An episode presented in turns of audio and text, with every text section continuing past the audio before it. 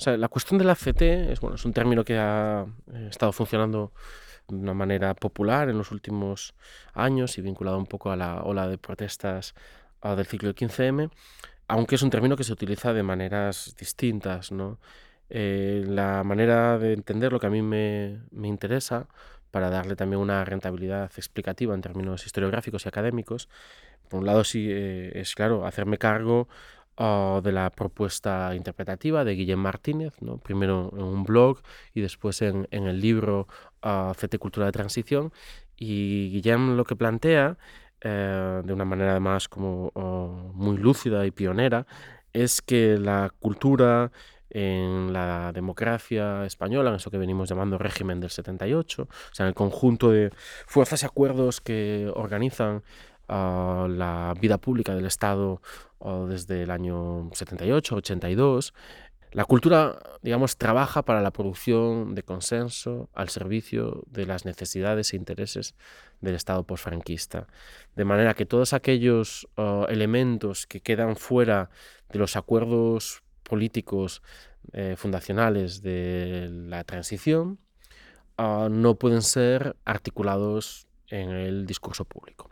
Por ejemplo, la monarquía no puede ser cuestionada públicamente, el modelo de Estado no puede ser cuestionado públicamente, la violencia política del Estado y los crímenes de Estado no pueden ser cuestionados públicamente, no se puede hablar de tortura por parte del Estado público, no se puede cuestionar ah, el derecho de autodeterminación de los pueblos de España no se puede discutir la fundación genocida del franquismo, no se puede nombrar las responsabilidades de personas o de empresas en la gestión de la violencia franquista o posfranquista.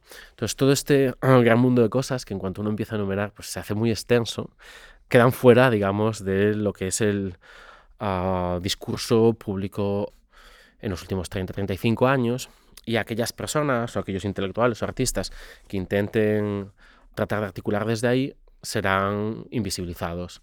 No sé, sus libros no serán reseñados o no serán publicados o incluso serán censurados en algunos casos, no tendrán acceso a tribunas públicas, sus voces no serán escuchadas, no serán eh, reproducidas. ¿no? Por ejemplo, en el ámbito del hispanismo, que es un poco donde yo me ubico, y en el hispanismo que hacemos fuera, fuera de las universidades españolas, en universidades en el extranjero, esta ah, discontinuidad es muy visible, ¿no? porque el tipo de trabajos que hacemos las personas que estamos fuera, el tipo de libros que leemos, que hacemos leer a nuestros estudiantes, es, es, es otro. O sea, como realmente hablamos de países diferentes. ¿no? Y esto, pues claro, tiene que ver con el tipo de lecturas que se han ido produciendo en estos últimos 30-35 años. Esta cultura del consenso eh, se rompería eh, en el 15M que era la CT. O sea, la CT es también un campo cultural, un conjunto de editoriales, un conjunto de, de, subvenciones, un conjunto de flujos de capital, de pagos concretos que permiten, digamos, favorecer artificialmente eh, determinados discursos frente a otros, ¿no? como la imposibilidad de una competencia democrática de voces en el espacio público, ¿no? porque hay unas voces que, que hablan con aparatos, con aparatos de Estado, con aparatos de, grupos de comunicación. Eh, y esto de alguna manera, pues el mundo que va a traer Internet y que va a traer el siglo XXI lo, hace explotar, porque de repente las voces empiezan a, valer lo mismo, es lo que tienen que decir. ¿no? Hay otros lugares de escucha y de, de información donde pues eso, la autoridad eh, intelectual asociada a un determinado tipo de figuras de intelectuales públicos, además mm, claramente patriarcales ¿no? y vinculados a una gestión muy particular de la masculinidad, pues eh, entra en crisis ¿no? y las voces empiezan a funcionar de otra manera, se empieza a producir conocimiento de otra manera, se democratiza, hay una, una profunda democratización, digamos, de la palabra y eso también implica, claro, pues circulaciones de relatos alternativos sobre el pasado, otras memorias, otras voces. Siglo XXI, pues desde múltiples frentes, digamos, las autoridades académicas, intelectuales que estaban vinculadas con este eh, mundo de la cultura consensual entran en crisis, ¿no? La cultura funciona, la producción de consenso, pues tampoco es algo ni privativo del contexto de la España contemporánea, eh, ni siquiera del contexto español, o sea, como la cultura pública es una herramienta de consenso y siempre hay una tensión entre la invisibilización de los disensos, ¿no? como la esfera pública funciona así, en su propia estructura, ¿no? como las voces disensuales se pueden o no inscribir en función de un montón de lógicas distintas, la censura es parte de la construcción del espacio público moderno y la censura seguirá existiendo en Internet o antes de Internet. ¿no? Eh, entonces, como hay que poner también estas cuestiones en perspectiva. De todos modos, una, una, dimensión que hay que, eh, me parece, aclarar a propósito del uso de la CT es que aunque la CT es la cultura, como su nombre, ¿no? cultura de transición, cultura de la transición, no es la cultura producida durante la transición. La CT es la cultura consensual, eh, la lógica consensual de la cultura producida en el Estado español en los últimos 35 años de manera hegemónica. Y en gran medida, pues la CT fundamentalmente es un concepto que es útil para hablar del tipo de cultura que se produce alrededor del país. Es fundamentalmente un poco como la, cultura de prisa. Eh, hay otras culturas que están funcionando también eh, más a, a, la derecha o más a la izquierda. O sea, yo creo que es un poco, la utilidad de la CT sirve para pensar qué tipo de cultura propone la socialdemocracia en España y los intelectuales, digamos, más cercanos al, al Partido Socialista. O sea, yo creo que es muy eficaz para, digamos, entender una manera de pensar por sistema de personas que uh, habían acumulado quizás un capital crítico en años anteriores. ¿no?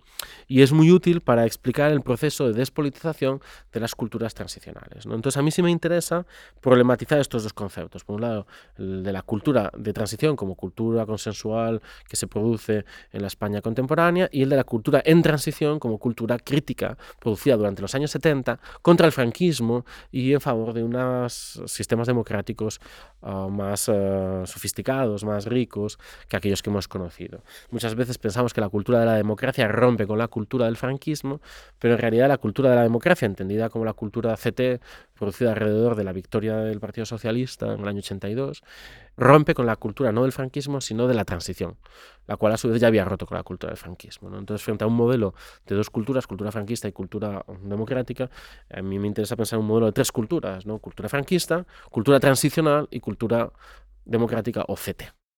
Y en este contexto, digamos, los grandes desafíos críticos de las culturas de la transición van a ser domesticados, cooptados, invisibilizados en las uh, culturas institucionales. Y sobre la época de los años 70 va a haber un gran borrado, un gran vacío que se ha ido reconstruyendo en los últimos años en todos los campos, en el cine, en el documental, en la fotografía, en el arte, en la poesía, en la novela, en la historiografía, en la política. Realmente las culturas de los años 70 hacen una revisión a fondo de todos los elementos centrales de la cultura franquista, pero también de las culturas vinculadas al consumo, al capital, al imperialismo, y tratan de plantearse seriamente cómo se puede vivir en democracia, entendiendo democracia no como un espacio donde se vota una vez cada cuatro años a un señor, sino una manera distinta de, entender las relaciones entre las personas, las personas y su comunidad, eh, las personas y la naturaleza, realmente un proyecto integral de vida en común en clave no autoritaria, participativa eh, y democrática. Y entonces vinculado con la cuestión de la juventud en relación con la contracultura, es muy notable, digamos, la socialización de las ideas de la contracultura conforme uh, va pasando el tiempo. O sea, lo que son posiciones de grupos muy pequeños a finales de los años 60 acaban convirtiéndose casi en un sentido común generacional a principios de los años 80. Entonces hay una lógica de la expansión sociológica de las ideas de la contracultura a lo largo de los 70 y primeros 80. Al mismo tiempo que hay también una lógica del crecimiento generacional de la juventud. Cada vez hay más jóvenes. ¿no? ¿Por qué? Porque uh, en los años 70 llegan a la mayoría de edad eh, aquellos nacidos en la posguerra, en el contexto del crecimiento demográfico de la sociedad española amparado y promovido por el régimen y también por el, las tasas de bienestar. ¿no? Entonces la generación propiamente de primeros de los 80 es la del baby boom. Entonces de repente hay muchísimos más jóvenes, ¿no? el país se llena de jóvenes y que tienen otras ideas. Y esta, esto genera mucha inquietud y desconcierto desde múltiples eh, instancias eh, políticas y sociales, como, wow, todo se ha llenado de unas personas que no sabemos quiénes son, que tienen otras ideas, que quieren vivir en otro mundo, que ya están viviendo en otro mundo y que se están organizando de formas que no podemos controlar. ¿no? Y esta clave de ansiedad ante los desafíos morales, estéticos de la juventud es importante para entender, digamos, el retroceso que la propia transición como proceso de reforma va a sufrir a principios de los 80. ¿no? La transición va a tener un primer momento de intentar incorporar pues, demandas que vienen de la sociedad civil, de las rupturas del año 76-77, pero a partir del 78 pues, va a haber un intento de vuelta al orden, ¿no? una especie de eh, retorno al orden que los 70 habrían interrumpido. ¿no? Entonces, como hay una lógica también muy uh, represiva en la uh, instalación eh, y estabilización de las instituciones posfranquistas. ¿no?